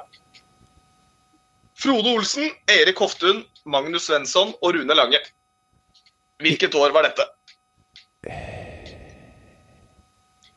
Som de vant Nixon-prisen, altså. Erik Hoftun er nevnt. Yes. Frode Olsen. Han spilte fra 97 til 2001 eller noe. Det samme gjorde Altså ga han seg i 2002. Rune Lange, toppskårer. Eh, 2000 var han ikke, det var Rosenborg-spiller. 98 var Rosenborg-spiller med Brattbakk, Rushfeldt. Eh, 1999. Det er korrekt. Yes da! Den er deilig! Den er sterk. Den er sterk. Ja, Det er mulig å resonnere seg fram der, faktisk. Den er ikke eh, håpløs. Jeg, var, jeg visste det var 90-tallet, men eh, det var bra. Ja, men eh, ikke sant, han blir jo Knisen prisvinner for spiss, ikke sant? Og 97-8 var det håpløst, for det var RBK-spillere. Og- Ja, fin. Og en annen, er annen kategori du har, da? Årets nykommere, Eliteserien 2021 og rekorder. Hva er så det har du tabellen siden 2009. Ny, nykommere, har du noen billige points til meg der, eller? Ned på rekka? Ja, det er 100 og 200 igjen, så hvis du vil bare safe den inn og få jeg kjører en liten eh, hundrings, jeg. Får satse på at nå er ja. brukt opp der, og så kjører jeg litt hundrings. Den er grei, vet du. Ja. Da kommer den. Ja. Hva heter stadion til Jerv? Er jeg faktisk usikker på, faktisk. Uh... Den har to navn, og jeg godtar begge to. jeg er faktisk usikker på Jerv. Uh, nei. Uh, eneste jeg kan av stadion, for jeg er ikke noe Obos-konge, det blir Levermyr. Men jeg, jeg sier bare Levermyr, jeg. Det er sikkert ikke riktig. Jo da, det er jo helt korrekt. OK, OK, OK. Ja, greit. Da, J. Stadion, Ja. Levermyr. Ja, det, det, det, der er bare ren pur eh, punch, for det er en, en av de få stadionene jeg kan, eh, kjære lytter. Så det vil si at det er den og Fredrikstad stadion som heter sikkert ikke det engang. Ja, greit. 100 poeng. Da tar vi den, da. Den er Nadderud og fin, Brann den. stadion. Ja, ja. Glem dem, da, om de er eliteserielag, egentlig. Selv de ikke er det. Konsto, kanskje, har du hørt om? Ja, jeg har hørt om Konsto. Det er greit. Jeg har hørt om 4-5, da. Men Levermyr, da ble det poeng, da. Ja, men OK. ok. Det var Det ble matching av Håvards uh, toppscore hittil, Ok. som er 500. Ja. Så det er veldig godt. Uh, alle fikk plusspoeng. Det var jo gøy, da. Bra. Det, Hør, hør på den her, Meran. Bra, Meran. Du fikk plusspoeng. Nei, bare tulla. Det var bra, Meran. uh, men da drar Håvard, nei, Johan litt fra, da. OK. Du har jo nå en totalsum på 1200. Ja. Eh, Håvard har 500. Fikk en uh, liten eh, hundrings. Og Meran spiser seg opp mot null igjen, og ligger nå på minus 1100. ja. Ja, det er såpass, ja. God runde. Det er fortsatt 1100 igjen, ja. 1100, ja. Nei, du er mye mer enn det, Meran, for jeg, le, jeg liksom leder jo Kanskje det var 200-300 igjen. Vi andre har jo 900 eller 1000, så du er jo, du er jo to, 2000 poeng bak, da. Ja, altså, dere Jeg er ferdig med. Jeg har en annen konkurranse. Jeg Jeg. Men jeg tenkte. Herregud, jeg tenkte jeg var sånn 300-400 unna. Nå er jeg 1100 unna! Ja, ja, Du må prøve å komme deg på plussida, du, i hvert fall. Som svenskene sier åh, hva trøtt jeg ble. A, Janne ville sagt A, A, A, A. Er muligheter. En annen enn også som kanskje prøver å få kontrakt, gutter, eh, selv om mer han prøver å nærme seg. Anders Konradsen. Han prøver i hvert fall å trene seg til å vise seg fram i nord. Eh, og rett før de skal ut i kampen mot Celtic til torsdag, to-tre dager unna, kjære lytter, så er Anders Konradsen, gamle RBK-luringen inne i 16-meteren, han, er å trene med klubben, da. Det er jo noe. Han er i, eh, i sydligere strøk han, og trener med Glimt. Han ble vel veid og funnet for lett hos Ronny Deila og New York City, der han faktisk har vært på prøvespill. Oi. Eller eh, ble invitert av selveste Ronny himself. Eh, Det ble ikke kontrakt i første omgang, og nå er turen videre da til Glimt. Så får vi se. Det var jo der det starta for Anders Konradsen. Han har jo sin bror Morten i, eh, i Glimt-troppen. Kan jo hende at de klarer å børste litt eh, støv av eh, Konradsen storebror. Så er jo en spiller som kunne gjort en OK jobb. Men jeg er ikke noe sikker på om han klarer å spille seg inn på noe lag der. Det tviler jeg på. Men også som en stallspiller, eh, og også med tanke på litt hva slags Glimt er ute etter, i forhold til en spiller som faktisk bryr seg om klubben og som virkelig ønsker på en måte å bidra til et kollektiv, så er Anders Konradsen et eh, er, Hvis de kan få han Den får vel han for ingenting. Han er vel fristilt. Han er jo klubbløs, ja. Så han er jo helt klubbløs. og Altså, du, det er lønna du må betale. og det er klart, um, Nå er jeg kanskje litt farga over uh, tida i godset, hvor han, han var jo kanskje favorittspilleren min over alle favorittspillere når han spilte der. Av en eller annen grunn så bare digga jeg Anders Konradsen. Og han er jo en god fotballspiller. eh, Å ha den personen som en stallfyr som kan steppe inn og være med om han ikke spiller fast. Jeg tror det er et godt, en god uh, signering av Glimt. Ja. Jeg tror det er bra, ja, med tanke på hvor de har mista, liksom, og det liksom få den troppen opp og gå. Så tror jeg absolutt at Anders Konradsen er en god og nyttig tilvekst. Men, men samtidig, vi, vi spådde der allerede i høst når vi snakket om Anders Konradsen, at det kan hende han havner tilbake sammen med Morten i Glimt der. Det er ikke usannsynlig. Men det begynner å bli en, nesten en tiårsperiode siden godseperioden. Og det er en to-tre år siden han presterte på toppnivå i Rosenborg også. Eh, det er en god skade, skadeplaga spiller. Han er eldre. Det går litt eh, seinere i skøytene enn det gjorde tidligere. Han er god boks til boks og hei og hå. Jeg er enig i det. Han er en bra fotballspiller. Men om det er riktig vei for Glimt å gå, sånn som de satser? Ja, mulig. Mulig ikke. Jeg vet ikke. Er, de er spåmenn der oppe, så de får jo til det meste. Men ja, jeg, jeg er litt bob-bob til det hvis jeg har vært en Bodø-Glimt-supporter, og ikke så positiv. Nei, men da er jo tanken igjen da, at han ikke er full. Han, er ikke han skal nødvendigvis ikke være en fast A-lagsspiller. Altså, At han er litt skadeplaga, er én ting. Han ble jo heller ikke, han ble ikke satsa på de siste årene i Rosenborg heller, sånn uh, utover når han var skada heller. Når han var Han var, frisk. ikke, han var ikke bra nok, rett og slett, til og med for det RBK-laget i det siste halve året. Nei, men det, kom- det var ikke Botheim heller, og det er greit. Nei, Altså, men, men, det- men jeg, jeg ser det. Men han hadde jo anklene sine. Han hadde en god del skader, og det var veldig mye inn og ut. Og han sto over x antall treninger og måtte hvile mye. Altså, det, det var mye greier der. Altså, jeg bare Schwabe, de var på de ja, men det, det er en synseteori med Schwabe som man kan synse rundt. Det er jo ikke noe håndfast Poenget er at han var skadeplaga. Ja, det var han, Og, eh, og- Johan. Jeg veit ikke altså, eh, om Anders Konradsen det er riktig vei for Bodø-Glimt å gå. Kanskje. Kanskje det er en grei spiller, men Bodø-Glimt har først slagt laget sitt. Altså spiller de med likt lag i tolv kamper på rad, så hvor enkelt er det for den? Altså, det som er med Glimt, at de bytter jo ekstremt lite på elveren. Ja. Ikke sant? Så Knutsen gjør knapt det. Eh, Han spiller inn en elver, han, og så er det den som spiller. Hvis ikke en eller annen eh, ryker ut som en dårlig prestasjon. Men altså, som en backup-spiller, som en squad-player, da, så er det jo en fin signering. Ja. Men spørsmålet er om Anders Konradsen har lyst til å være det. Ja. Mm. Så det er jo spørsmålet her. Jeg vil jo tro han har lyst til å spille fotball. Han har ikke spilt mye fotball på, på Lerkendal de siste åra heller, heller. Og han er 31 år. Han bør jo gå til en klubb han får spilletid. Og jeg tviler på han får mye spilletid i Bodø-Glimt, for å være helt ærlig. Men at det er en OK signering som en squad player, så er det jo ikke noe tvil om det. Hvis de ikke blir enige, så kan han bare dra nedover litt lenger sør til en av sine tidlige klubber og så være squad-player eller litt fastere der, altså. Det er- Altså, drar han til godset, så kan han spille seg inn. Jeg tar i hvert fall imot, så det er helt OK. Han hadde spilt i godset, det hadde han. Ja, ja, Det tror jeg. Ja, det hadde han. De har en kamp eh, til torsdagen. Nesten litt sånn glemt den kampen blant mange av de som ikke følger med. OL midt oppi det her. Det er liksom eh, vinter og opplegg og vinterferie som sitter, folk sitter og venter på. Så, så skal de søren meg en lita, lita tur over til Skottland og uh, være med på festen, altså. Bodø-Glimt. Så det, det skjer ting. Og hva tenker vi om den matchen som foregår på torsdag, gutter? Altså, Jeg gleder meg først og fremst for å endelig se en tellende kamp med et norsk lag. Og også mot Celtic, da. På Celtic Park. Der kommer til å være full kok. Ikke noen koronarestriksjoner. Det er bare å gønne på. Masse gærne skotter på tribunen. Og det er jo vanvittig stemning da, på Celtic Park. Så jeg, blir, jeg gleder meg til å se hvor Glimt eh, hvordan de ser ut nå på denne tida av året, eh, med de nye spillerne som har kommet inn osv.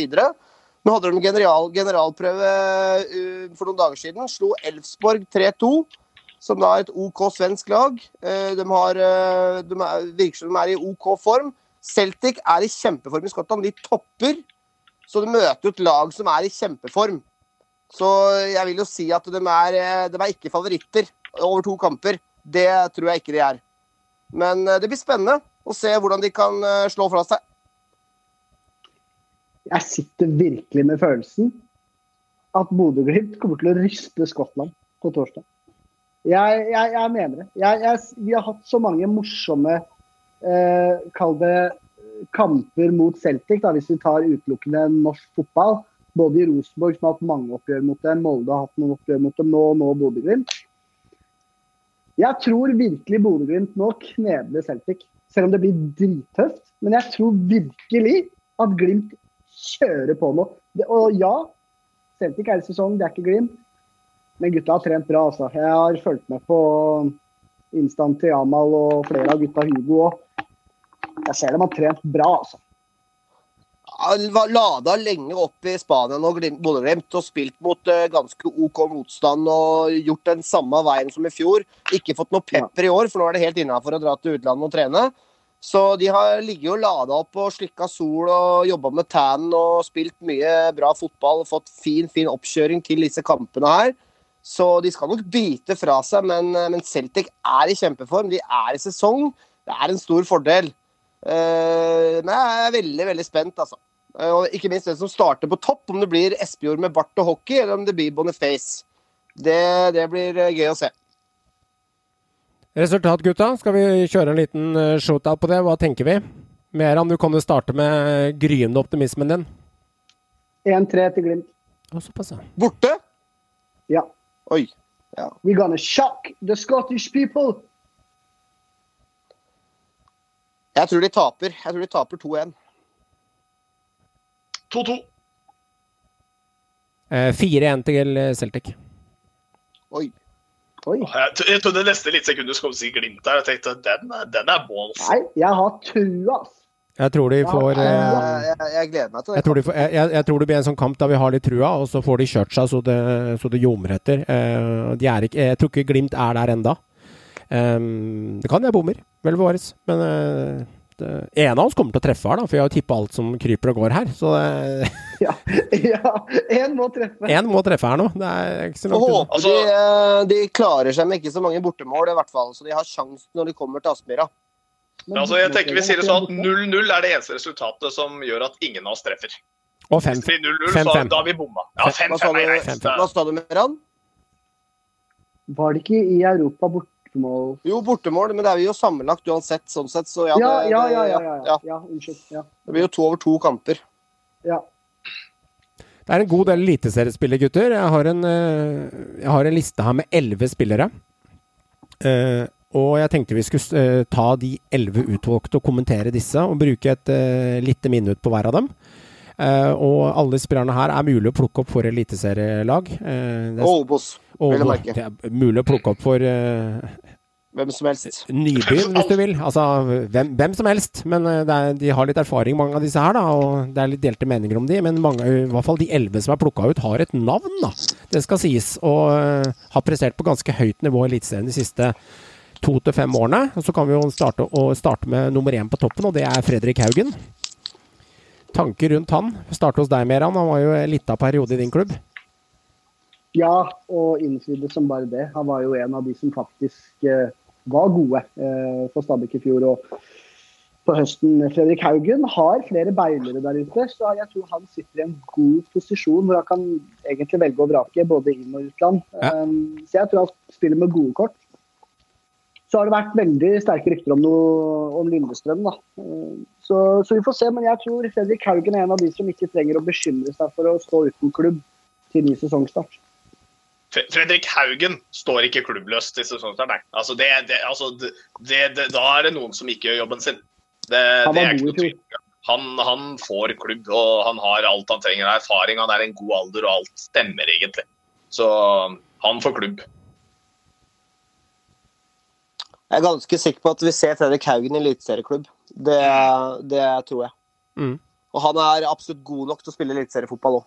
Ok. Ja, ja, ja.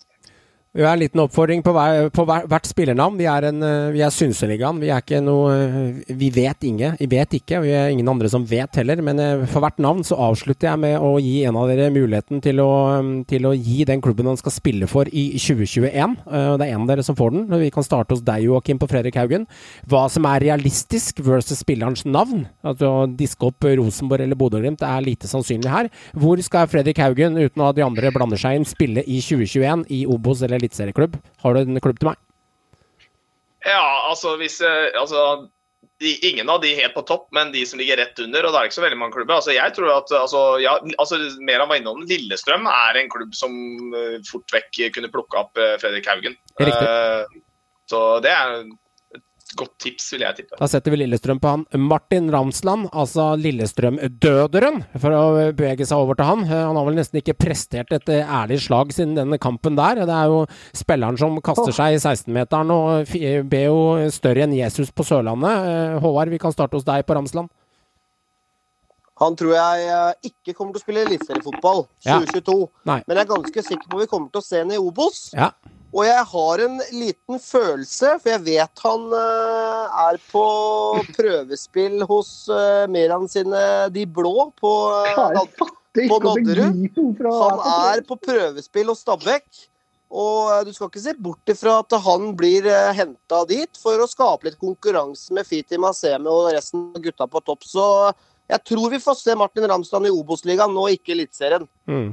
Ja, han har vel skåra greit med mål i Obos, da. I, altså, Ja, det var godt over 30-talls mål i Obos, har han ikke det? Og skåret eliteseriemål også. Det er jo en ja. OK spiss. Ja. Det er det. syns ikke det er helt Jeg legger det på OK minus. Jeg legger det på OK minus. Han er ekkel å møte. For en Obos-klubb, så, så vi, Vi må huske på at vi er i Obos-Meran, og eh, som Obos-klubb er det ikke så gærent. Nei, det er jeg enig med Håvard. Det er grei signering.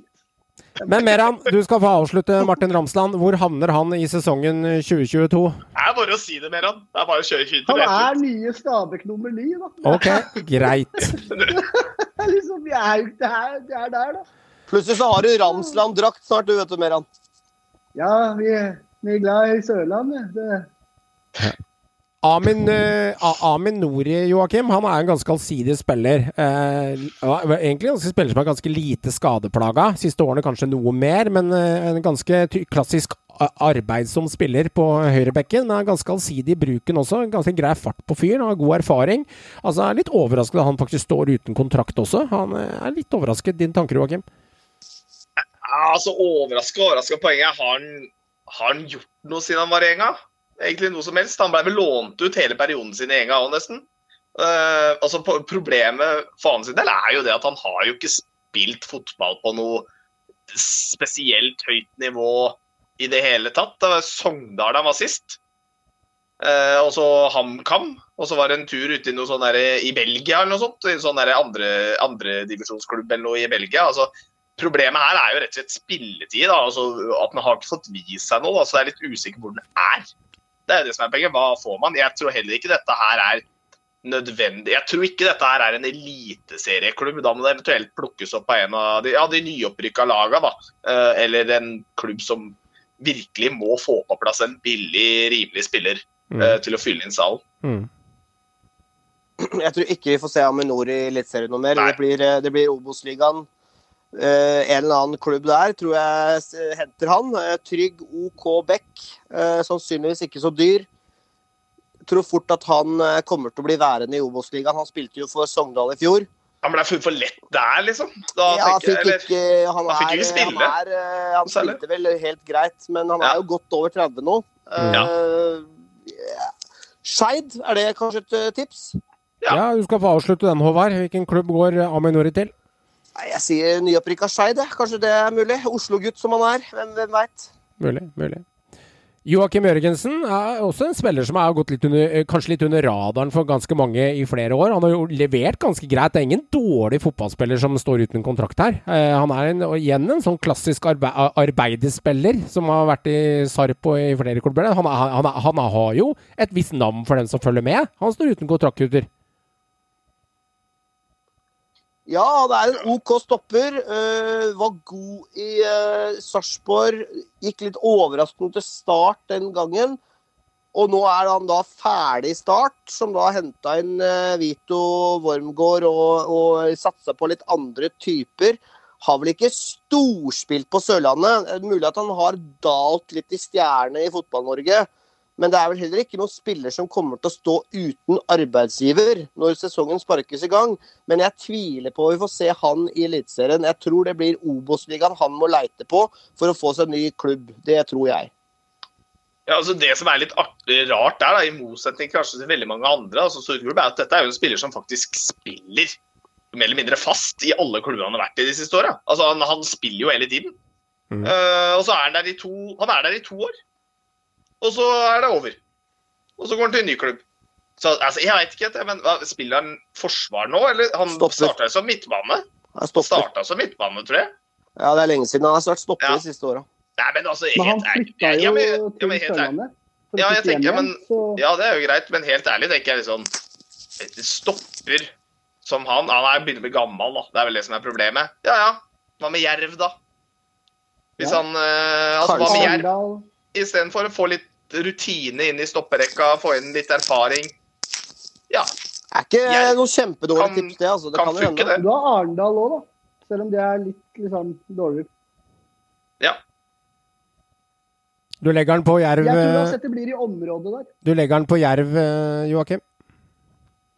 Ja, altså jeg tenker at i hvert fall for en, altså, Han burde jo, hvis han så fri nå, så burde han være på blokka der i forhold til å være en mulig spiller å hente inn. Ja, med tanke på at altså, de, de kjenner han jo i, det, i den grad han, de har jo spilt mot den. Mm. Eh, og de bør jo vite hvem det er, og bor i nærheten, altså i samme område. Mm. Ja, han bør være på blokka. Spørsmålet er jo eventuelt lønn og hva de har råd til, tenker jeg. Mm. Uh, om han har lyst, da, ikke minst. Da, det er jo nummer to. Men da får han eliteseriefotball. Mm. Det Eh, kan uh, det jo være være en sånn hylle Jerv kan lete på i det norske Ja. markedet. Det er det. To siste åra sine av sin karriere på toppfotball. Ta Jerv, og så får du en sesong i Eliteserien. Ja, jeg ser ikke noen grunn til ikke det. Dra en litt sånn Glenn Andersen. Han også dro hjem Mm. til, til Jerv, vet du. Før han la opp. Var der i flere år før han ga seg. Så har vi litt mer spennende kort her, som har vært prata om i mange år. Uh, mange mener han er den beste av disse gutta her uh, i, i Family-klassen. Og Michael Tørseth Johnsen. Altså er litt overraska over at han faktisk han står uten kontrakt der, og at Rosenborg heller ikke er på. Eh, kanskje, ikke god, kanskje ikke god nok heller. Rosenborg kjenner jo godt til spilleren, så de vet sannsynligvis hva, hva, han, hva han ikke besitter av kvaliteter. Men eh, hva tenker vi om han eh, lille luringen her? Nei, så det er jo en, en spiller som har på en måte vært i vannskorpa. Dette er jo eh, lillebroren til eh, mer kjente Dennis Tørseth Johnsen, som spiller i Serie A Venezia. Mm. Men, men har jo blitt sett på back in the days eh, som et kjempetalent i RBK. Var liksom i vannskorpa til å på en måte breake. Og så ble han lånt ut til Feyenoord, og så ble det liksom ikke noe mer der. Og så gikk han tilbake til RBK, så nå er han plutselig klubbløs. Han har vært på prøvespill i Glimt, det veit jeg, i vinter. ikke fikk ikke kontrakt der, og er fortsatt ledig på markedet. Men dette her bør jo være en spiller som har potensial til å spille eliteseriefotball. Jeg tenker som Tromsø, eller noe sånt. At det kunne kanskje vært en litt spennende klubb for uh, Mikael Tørseth Johnsen. Jeg skal innrømme, altså jeg har ikke peiling på den der engang. Jeg har aldri, ikke noen formening om den, så jeg tok et kjapt søk på den. Men Ja. han var på utlån til Feyenoord og skåret to mål på tre kamper. Ja. For, for uh, ikke, ikke for For U-laget, da. Nei, nei, men Ja. samme da. Altså, altså han, fikk jo spille, han spilte jo og gjorde det han skal. Han skåret noen mål, og så etter det så har han ikke spilt noe som helst. Nei. Eh, Så det er, altså En av klubb bør jo plukke ham opp. Altså Det er en 21-åring. Altså Han er lovende, i hvert fall. Han kan jo gjøre et eller eh, annet. Rini Kolen. Rini Kolen i Men, elite, men Eliteserien Nei, jeg er usikker om dette er noe som en eliteserieklubb nødvendigvis Altså, Det han blir i er hvert fall ikke noe såpass spennende at Glimt har testa han ut. Ja. Så kan fort Alle, hende at alle funker jo Glimt, da, så det er jo greit. Ja, men det kan fort hende at han ender opp i en eliteserieklubb. Altså. Han er såpass ung. Jeg sier Odd eller Grorud. Ok, da kan jeg eh, som eh, sidemann her jeg sier Lillestrøm. Ja, Tror ikke han er- kan være typisk lille. Nei, sånn jeg tror kanskje, han, jeg tror kanskje de tar en liten råsjanse der, jeg. Og um, Gjermund Aasen og Helland drar inn noen snorer og kjenner til spilleren. Og Fotball-Norge er, Kanskje, kanskje. er, er ikke mindre enn som så enn at det plutselig kan skje. Så um, vi vet jo ingenting. Vi sitter jo bare og synser, vi. Så, Vi sitter og synser. så det er lov, det. Jeg tror Lillestrøm kan være aktuelt der, faktisk. Eh, Emil Jonassen. Ja, det, det, det er litt sånn um, Det er traust vekk, altså. Det Ja. Til og med Ja. for traust for Odd. Ja, han er for traust for Odd og for traust for Stabæk i Ja. Obos. Så gratis eh, jeg uh, ser for meg uh, Obos-ligaen. Litt sånn Ja. nedre halvdel, kanskje sånn Kongsvinger. Ja. Kongsvinger var egentlig ganske Eller se for deg er, at den bare er ferdig. Eller, nei, jeg er ikke ferdig. Men, eh, men eh, jeg tenker en sånn type Obos nedre halvdel-lag. Ja. Det tror jeg en Emil Jonassen Ja. må sikte seg inn på, for å være helt ærlig. Jeg Riktig. syns Kongsvinger var et flott forslag, faktisk. Ja, Fint på bra vet du. Hedmarken. Og så er spilleren jeg aldri har skjønt noe, aldri har skjønt noe av. En spiller som som i hvert fall blitt hausa i Bergen for en eh, halv ti år tilbake. Og Kristoffer Larsen. Han er en spiller jeg aldri har hatt sansen for. Eh, det er Ja, det er Jeg var glad i Kristoffer Larsen, jeg, ja, ass. Jeg var. Bark og ved, ass. Det er Nei, det er liksom Nei, det der, det der, ass. Ja. Han øh, har et eh, hett tips om hvor ender opp. og Han øh, drar nok tilbake til Bergen, men ikke til Brann, men til Åsane.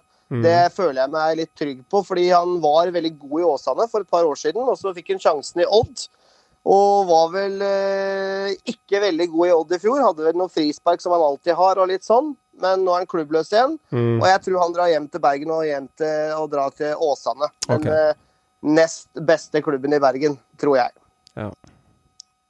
Og Joakim, eh, gamle eh, ga, Altså, Haugelandets eh, Riise. Eh, Joakim Våge Nilsen han har jo et eh, forrykta venstrebein. I hvert fall et halvt tiår tilbake så skåra han jo på bestilling annenhver runde. Klassisk Haugesund-forsvarsspiller, og da veit du hva som skjer på Fantasy. Da bare dunker dem inn for at Ja, ja. de har levert med tida. Men nå er han klubbløs, altså. altså som Holland ville sagt, han er en eh, arbeidsom spiller. Ja, det, ja arbeidsom spiller, det er, det er jo greit. Altså, Våge Nilsen, eh, altså, jeg vet ikke. Jeg, han, han Ja, Begynner å bli gammel, vet du. han begynner å bli Det det. gammel han nå. Det Begynner er å dra på, Han har passert 30, har han ikke det? Jo, jo, jo. Begynner å, ja, han begynner å, bli, begynner å dra litt på åra, men altså, jeg tenker, altså, han har jo spilt, han har jo spilt eliteseriefotball stort sett hele livet. Så ja, altså, jeg tenker altså, Ja, igjen, da. Det blir litt det samme. Det er litt sånn rar spiller om egentlig skulle forbli kontraktløs hvis han har lyst til å spille. Og jeg tror fort vekk han fint kan spille spille i en eliteserieklubb på nedre halvdel. Jeg tror det. Jeg tror faktisk han kan det, men uh, så blir det jo fort Obos, da. Eh, men at han skal fortsette å spille, det, det vil jeg tro. Jeg ser for meg at det er sånn typisk eh, Bjarne Berntsen og Sandnes Ulf-signering. Ja. Eh, blir Ja. henta sammen med kompisen Alexander Stølås og Tommy Høiland, og så er det rett inn med Bjarne Berntsen og Sandnes Ulf Ja. Det, det, de Ja. samles der. Jeg tror det. Det eller Bryne. Ja. Eller Bryne, ja. Eller Ja, er. Mjøndalen. Nei, eller Nei. Mjøndalen. Jo, Nei, nei, nei, nei. jo. Nå skal jeg Jeg skyter inn Ja, Mjøndalen. det må du få lov til. Det er lov å synse. Jeg har en det- liten trua på Sandnes Ulf at han ender opp der, altså. Spennende. Spennende. Det er eh, Eller Sandefjord. Kom med et skikkelig dark horse-tips. Jeg sier Sogndal, jeg, jeg sier Sogndal, jeg, da. helt motsatt. Så eh, her går vi for epler og Lærum. Altså, det er, vi kjører Sogndal, tenker jeg. Men en spiller som er litt yngre, da, som eh, ah, Det er jo ti år, i hvert fall, tror jeg. Det er Mikael Nåre Ingebrigtsen. Altså, eh, han hadde jo en periode i Tromsø han var ganske på. Eh, nå er han plutselig uten kontrakt. Altså, det er eh, Fortsatt ikke gammel heller. Nei, han er ikke det. Og eh, han var jo en spiller som var omtalt litt, i hvert fall de som følger ganske mye med. Så han- det er en småspennende spiller, og jeg, jeg, jeg tror han kan få seg en klubb, altså. Ja, han blir ikke klubbløs. Uh, han har riktignok, når han kom tilbake til Tromsø etter det litt, ganske, litt sånn mislykka oppholdet i IFK Göteborg, var det vel, uh, så ikke jeg husker feil, som han ikke fikk det helt til. Uh, var vel på noe lån og noe litt sånt, og, og ble vel egentlig henta hjem. Han var veldig god i første perioden i Tromsø. Det er noen år siden nå. Uh, jeg tror han får seg klubb, men jeg tror det blir i Obos. Jeg tror han må, må hakke ned. Jeg tror ikke han klarer å lande noen kontrakt i Eliteserien. eh, Det er jeg litt usikker på. Altså, det må i tilfelle være fordi klubba der nede i, litt i sumpa, kanskje Sandefjord eller noe eller noe uh, jerv eller et eller annet sånt, uh, muligens. At det er på den hylla der. Uh, jeg er litt usikker på om han har noe særlig sjanse hos de andre klubba, altså. Ja, det, men igjen, da, det er litt samme. Det er litt sånn merkelig i forhold til altså, spille på 25 år med erfaring igjen. Da. Altså, det, er så mange, det er så mange klubber som nå eh, på en måte ikke har penger til å hente noen, ikke, ikke liksom, som ikke har de midlene som trengs da, for å få inn noen du veit funker. Og så har du spillere som har erfaring og som har prestert før. Jeg, Har jo ferdigheter, han har jo det. han, han burde jo i prinsippet få seg en klubb uh, på nedre halvdel, tenker jeg. Kanskje, men- kanskje godset, Joakim? Ja, altså, En ekstra midtbanespiller gjør ingenting for godset, det. Han trenger jo en ekstra kant midtbanespiller. Han Vi gjør det, vi gjør det. Han er vel det. allsidig. Er Ja. nei, så Ja. Jeg kan ikke si nøyaktig hvor han ville, eventuelt ville havne, men eh, jeg tror nok han Altså, han spiller fotball i år, og det blir på én av to øverste nivåene. Det er ikke noe tvil om. Legger Sandefjord i bordet på han, jeg. Ja, Faktisk. hvorfor ikke? Ja, jeg tror det kan Ja. fort skje. Han eh, koster ikke all verden. Han er ganske riktig alder, og ja. Jeg bare, jeg, jeg bare tenker det, liksom. Så, men hva veit jeg? Altså, vi besitter bare synser, men jeg tror det er fort, eh, fort fare for at det kan ende noe der. Han, han får seg klubb, tror jeg. En annen spiller som er ganske allsidig også, som har, vært, eh, har jo mye erfaring. Eh, han har jo vært eh, halve Eliteserien eh, gjennom og spilt for mange klubber, og Daniel Berntsen. Og han har også en sånn lita touch av X-Factor over seg, i hvert fall for en x antall år tilbake. Han er blitt litt eldre nå, men han står uten klubb, altså. Han gjør det. Er det noen som plukker han opp, gutter? Jeg syns det altså, kan lukte sånn uh, Sandefjord. Altså, men det, det er en spiller som jeg syns kunne vært litt artig å sette i godset, faktisk. For han har litt fot. Alle skal til godset her. Altså, ja, men- men godset trenger jo spillere, ikke sant? Og, og de er jo tydeligvis på markedet. Her Ja. kan de plukke spillere med erfaring og fin alder. Dan Berntsen er ikke gammel. Nei. Og han, han er litt skadeutsatt, men det er en smart fotballspiller. God ballspiller. Jeg, jeg mener at han burde få sjansen i en eliteserieklubb. Jeg syns han er, er eh, litt eh, OK, altså. Mm. Mm. Jeg sier alt, jeg. Samme Gamsten, ja. Ja.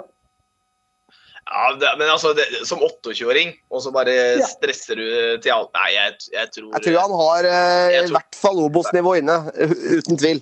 Altså for å si, jeg bare tenker sånn litt sånn, Siden vi var inne på godset da, liksom. Når Jonathan Parr ga seg, der gikk det en god del lønnspenger ut av uh, Det må jo skje noe i ut- Drammen. Har de jo for å kunne få inn noen folk på, som er klubbløse. Altså, De må kunne tilby dem lønn, i hvert fall. Jeg tror Godset bør høre på Sundsliga denne episoden her. Ja, jeg tror, jeg kommer tror vi jeg med gode også. Jeg tror. Her kommer vi med gode tips til Jostein. Jostein, det er bare å følge med her Ja. på dette resonnementet her, altså. Jeg er enig. Vi kommer til og med med tips om en spiller som ikke skal til Drammen. Og det er siste spilleren på lista, nummer 11. Han har vært i Drammen tidligere. Jørgen Horn.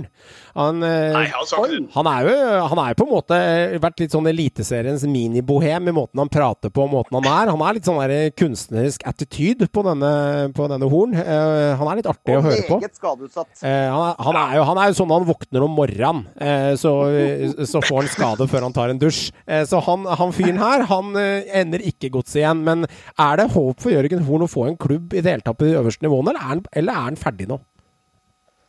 Han har jo ikke lagt opp ennå. og som han, som han, Det var jo en podkast jeg hørte, så hadde han jo ikke noen planer for fremtiden eh, med noe jobb ennå. Og Dette er kanskje bare et års tid jeg har hørt om. Så Jørgen har tydeligvis tenkt å spille fotball. Kanskje han har tenkt å bli trener. Jeg ser for meg Jørgen Horn i en eller annen Obos-klubb i Oslo-området. Ja, altså. Ja. Det var det jeg tenkte òg. liksom Altså, du har Grorud, KFM, du har Skeid, det er mange lag han kan Koffa, bare kanskje? Kanskje Koffa? Koffa. Ja, altså det, Mista, mista stopperen sin, Toje. ja. Og han er, altså, han er gammel, men i Obos hvis han holder seg skadefri, så holder Jørgen Horn nivå. Det gjør han. Ja, ja, Det er ikke noen tvil om. Det gjør han. Så Nei, ja, ja. Jeg tror øh, Men det blir ikke Eliteserien. Det ville overraske meg voldsomt om noen dro inn Jørgen Horn inn i Eliteserien nå. Det, det blir uh, pga. skadehistorikk, ikke pga. spilleren. fordi Jørgen, jeg liker Jørgen Horn. Jeg. Det er en Kanskje tilbake til Fredrikstad, Plankebyen. beste. Ja, på Det er bare spørsmål om tid. Bare Ja. spørsmål om tid før han er i Fredrikstad. Ja, han har vært der Ja. før. Ja. Hvorfor ikke? Et sted på Østlandet et sted. Vi får se. vi får se. Litt synserier her og synserier der. Det er sikkert noen av dere lytterne som uh, vet om noe annet rundt disse spillerne, eller andre tanker og meninger rundt det. Det var i hvert fall våre meninger om de elleve vi valgte ut som er kontraktsløse. Og da setter vi pila mot Obos-hjørnet, gutter. Har dere litt ferske nyheter til oss? Jeg har ingen nyheter denne uka, så eh, Håvard, vi kan starte hos deg. Rykende ferske nyheter fra Bergen. Det er observert en danske på eh, flyplassen i Bergen. Bergens Tidende er på. Dette har jeg stjålet eh, derfra. Fredrik Børsting, som er eh, intet mindre enn eh, 27 år, har over 200 kamper for Aalborg i dansk superliga. Har spilt eh, ganske inntil nylig eh, for, for den klubben, og, og virker ikke som han på en måte er liksom ut i kulda, men, men sikkert en eller annen grunn til at Brann har muligheten til å hente han til Obos-ligaen. Og det er jo Jimmy som bruker nettverket sitt i Danmark. Dette er en spiller med U21-landskamper, spilt for danske OL-landslaget eh, og gjort sakene sine ganske bra i dansk superliga. Så det er en, en kant som, som Brann er ute etter. Og så er det eh, en stopper som, eh, som, eh, som de leter etter lupe, lupe etter. Og, og Martin Ekeroth, eh, kaptein for Degerfors i Allsvenskan i fjor. Degerfors er riktignok en liten klubb i Sverige, men det er Allsvenskan-klubb. Og de holdt seg i, i fjor. Han har jo spilt utallige kamper for, for Degerfors. og og er, eh, i hvert fall ifølge Jo- Juk Jønsson, en solid stopper som bør styrke Brann. Men han er 30 år, men det, det Forsvaret skriker etter en leder. Og det er i hvert fall et navn som ryktes opp mot Brann, da. Så, så jeg, eh, jeg er litt spent på hva som skjer der. Så det er i hvert fall noe som skjer rundt Brann nå. Det kommer til å komme spillere inn, og det er særlig kant og stopper som Brann skal ha inn. Og så kan jeg også nevne, for det er mye som har skjedd, så Meran, du skal få komme til ordet veldig snart. Mye spennende på, i, i Bærum nå. Men vi har jo en, en artig spiller som er klar for Fredrikstad. Som heter eh, med det flotte navnet Innocent Kingsley. Og han er da erstatter for Tafik Ishmael, som er klar for Lorient og da har gått på lån til Enga. Har, Han er eh, spent på, ass. kommer, ja, jeg også kommer fra tyrkisk fotball, Adana-spor.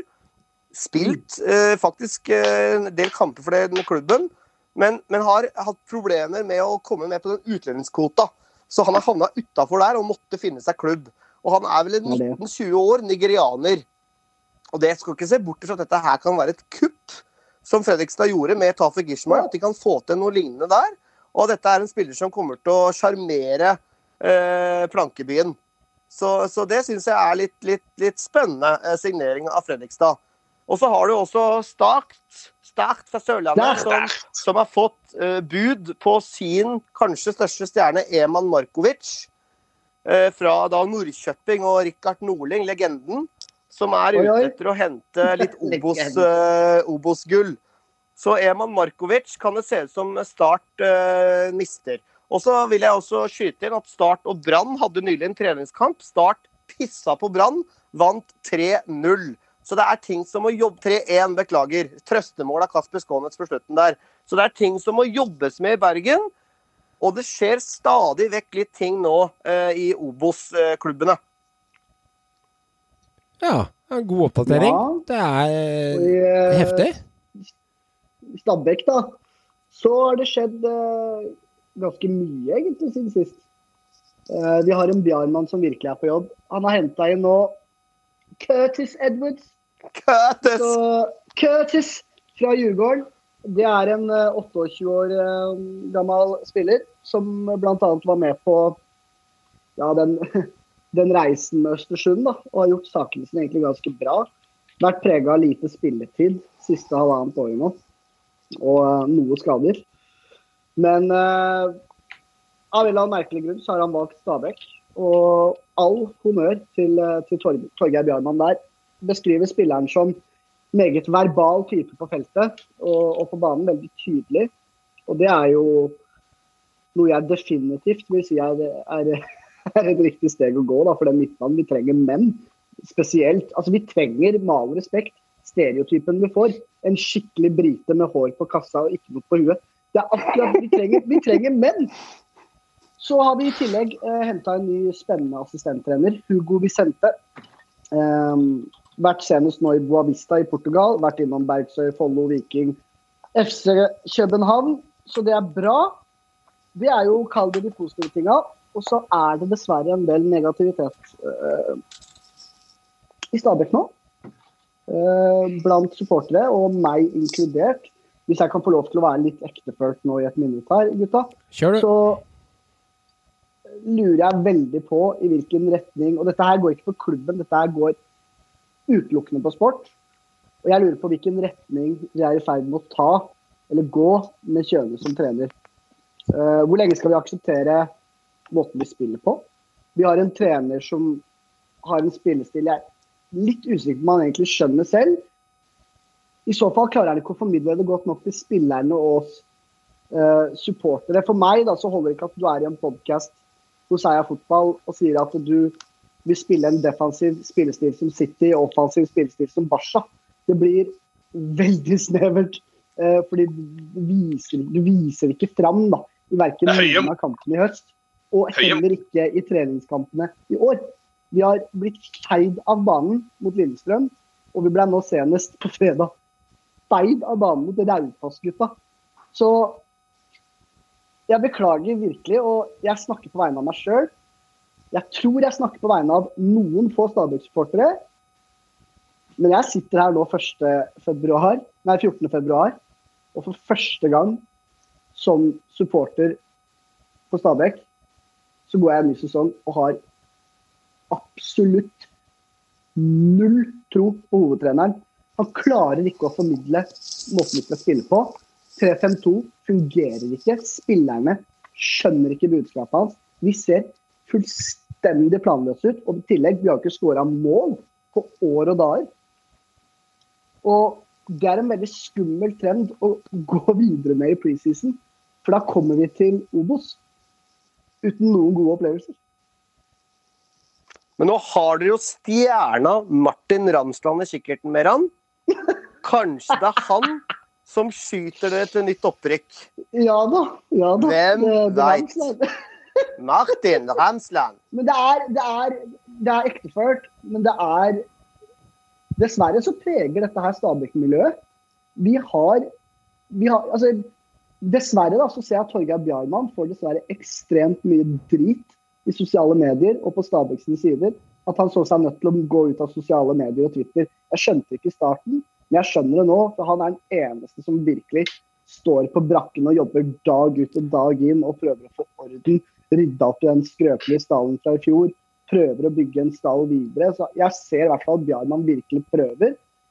Og jeg kan dessverre ikke si det samme om hovedtreneren. Jeg har ikke tillit til ham. Men, mer, men Meran, eh, for to uker siden så, så mente du at ingen var på jobb, og Bjarman måtte våkne og eh, ta tak, han også. Og nå plutselig så skjønner hun. Det snur fort. Nei, nei, men hvis du hadde hørt tilbake på to uker siden, så sa jeg det at det, er det faktisk en som trenger rom og tid nå til å få lov til å gjøre jobben sin, så er det Torgeir Bjarman. Hvis du går tilbake Ja, men du har jo til- slakta, du har, du har jo slakta begge tidligere. Eh, Og Kjøne ja, står det på enda. Ja, Bjarmann, Bjarmann, Bjarmann slakta i fjor, det står jeg for ennå. Jeg mener at uh, stallen var overhodet ikke bra nok før sesongen 2021 begynte. Ja, okay, Ja. Jeg mener at klubben tok altfor lett på det. Jeg mener at styret i tillegg gikk for hardt ut og Mm. sa til og med topp seks internt. Så det var jo fullstendig humist. Men det vi, er, det, det vi faktisk ser nå i ettertid, er at Bjarmann i det minste prøver. Han er på jobb, og vi hører mye internt. Vi leser mye på forum. Bjarmann er på jobb. Og nå er det etter evalueringen så er det jo en mer klar tråd da, å jobbe sammen i riktig retning. Men dessverre, jeg har ikke tillit til hovedtrener, altså. Jeg beklager. Men tror du all info kommer fram i et forum for supportere? Nei. For det, for det blir jo på en måte litt sånn Det, det blir jo, det, blir- det blir jo Synseligaen 2-0, ikke sant? Ja, men det er jo ikke bare forum. Jeg nevner forum, men Mm. det er ikke bare forum. Okay. Uh, det er veldig mye annet prat. Og... Men vi får se. Jeg Mm. håper bare at vi ser en spiller, spillerstall som virkelig tar budskapet til treneren, som virkelig får til en positiv endring. Begynner å se et lag som klarer å spille offensiv fotball, klarer å spille ball, klarer å skåre mål. Det er det eneste jeg håper. Men jeg må si, selv om det, det ikke ser sånn kjempelovende ut for våre to lag, eh, Meran, eh, så, så klarer jeg heller ikke helt å se hvilke andre lag som skal stjele den opprykksplassen. For Mjøndalen ser svekka ut. De har mista mye. De har fått inn en fra Bryne, en, fra Færøyene, eh, Meinar eh, Eigilsson og, en fra Vard Haugesund. Det ser ganske tynt ut. Eh, jeg syns Mjøndalen ser ganske svekka ut. Mer svekka ut enn Brann og Stabæk. Start begynner kanskje å seile opp som en liten outsider. Med Vito inn. Eh, Henta ganske mye inn på overgangsmarkedet nå, som ser faktisk ganske OK ut. Koffa er en liten dark horse. Sogndal Ja. med Tore André Flo tilbake. Ja. Fredrikstad veit du aldri helt med. eh, men jeg syns ikke det ser Det kommer til å bli så bøttetett om hvem som kniper de to plassene. Det, det blir så tett. Jeg klarer ikke å se for meg hvem det skal være. Hvem som er favoritt, det er veldig vanskelig å si. Jeg, jeg vil si mitt eget lag Brann akkurat nå, men Ja. altså Det er vanskelig, altså. Du setter ikke, setter ikke huslån og eh, aksjepengene dine på, på to sikre opprykk, Joakim, i 2022 for Obos? For her er det, her er det kamp om knivene. Nei, altså, hadde jeg gjort noe så Jeg har tenkt å altså, skyte, jeg skal skyte inn noe der eh, Jeg eh, ser på Brann som soleklar opprykksfavoritt. Okay. Det, det, det er ingen tvil om det. altså det de, de skal være det. Eh, og jeg syns også lagmessig og hvordan laget ser ut, så er de det. Altså, jeg, jeg ser på Brann som det absolutt sterkeste laget i Obos. Altså, er bør det være det, helt enig. De bør det. De bør også, Brann. Jeg er dessverre for Meran litt mer enig med Meran. Jeg tror det blir mye tyngre for Stabæk, og jeg tror ikke Stabæk tar den andreplassen. Det er mye som er Negativ trend. Sogn, ja, så Sogndal, det, Dere har jo nevnt alle lagene. Både Sogndal, Fredrikstad, til dels altså, ja, altså Det er mange lag eh, som jeg egentlig ser på som minst like gode som Stabæk per dags dato. Eh, Sandefjord kan være en liten dark horse òg, ja. og de, Det og de mange, er vet du, om Mjøndalen nå. De er vant til å spille der. Eh, Mjøndalen også. Jeg ser ikke på dem som noe svakere enn Stabæk i Obos, egentlig. Det, jeg gjør ikke det. Eh, så Til og med Grorud, som er samarbeidsklubben til Stabæk, ser jeg Jeg tror- faktisk på meg er sterkere enn Stabæk. Jeg Altså. tror Nei, det- det er de ikke mer. Nei, men jeg, tror det, blir- jeg tror det kan bli et vanskelig år for Stabæk. i hvert fall Ikke får ting til å rulle. Uh, men Brann, uh, der hadde jeg nesten satt uh, huslånet mitt på. Det, at de det er Såpass. tror fiasko hvis ikke Ja. Brann rykker opp på første forsøk, og det vet de sjøl. Det er så fiasko. Og jeg kan si det med en gang, hvis ikke Brann rykker opp, det er fullstendig krise. Og det er så krise at da må treneren gå, og flere med. Altså, hvis ikke de rykker. Så, så da er jeg ganske bombastisk, men Ja, så, så, så sant er det. Brann Ja. som klubb kan ikke være nede i Obos-gjørma mer enn maks ett år, eh, år sånn, og de, de må rett opp. Og det kommer til å bli et helvetes press på Hornland og Huseklepp og Hassan og gjengen. Men, men det må de takle, og de må rett opp. Ja, enig. Jeg er enig i den. eh, Evalueringen der. Er- Dere er enige, i hvert fall. Ja. Jeg skulle komme til. Det blir sent nå. Ja, Ja. sant. Nei, vet du, jeg er i tvil om det der, for det er så mange klubber, og det er, det er så Ja. trøkk der. Så jeg, jeg Obos, ass. Det er eh, altså, jeg, men- altså, jeg har ikke fulgt den ligaen supertett, men eh, når jeg sitter liksom og ser oppdatering fra Obos-ligaen på den plingen som kommer på TV når jeg ser eliteseriekamper, så leder jo et lag 3-1 når det er igjen sju minutter, og så plutselig bare boff, så kommer det tre skåringer, og så er det tre-fire og borteseier. Altså, det er sånn der, det skjer så mye jalla. Du føler Det er som å ha med ungen sin på tivoli. Du vet aldri hva som skjer. Men det er noe med sånn der nest høyeste liga, for det er samme i England med championship òg. Det er liksom en liga hvor liksom alt skjer, liksom. Alt rart Ja, det kan skje. er, Det er liksom, eh, helt Jeg, vet ikke, Hvorfor blir det sånn med en gang du liksom kommer ett hakk ned? så bare, Det virker som at laget Hvis du kommer ned fra Eliteserien, så blir laget automat... Altså, det blir jo litt dårligere, for noen forsvinner, men liksom samspillet at du blir litt mer sånn derre ja, det blir mer sånn fighting med en gang. og Det skal liksom være sånn Ja, fighte-serie. Hvor du skal slåss om ballen og ja, harde taklinger og ja, det, er, det er noe med den der nest beste. De må liksom slå fra seg litt på litt andre måter. Det er kjøtt. Ja, Ja, Det er ja, det, er, det er blitt mer finspillende der òg med åra, så jeg er veldig spent på liksom den derre øh, Nå blir det gøy å se dette på nært hold. Da. Hvordan er nivået faktisk nå Ja. eh, i Obos? Ja. Det, det er jeg veldig spent på. Så skyte inn også Start har jo henta en litt sånn artig signering også. 18 år fra Sporting Lisboa. Eh, August eh, Frobenius, midtstopper. Eh, den Herman kjente ikke jeg til, men han har henta da fra Sporting Lisboa. Eh, så, så 18 år gammel stopper der. Kan du få noe mer start? hadde vært lettere, beky lettere bekymra hvis du hadde kjente han. Da hadde jeg begynt å lure. Det hadde vært litt men, krise.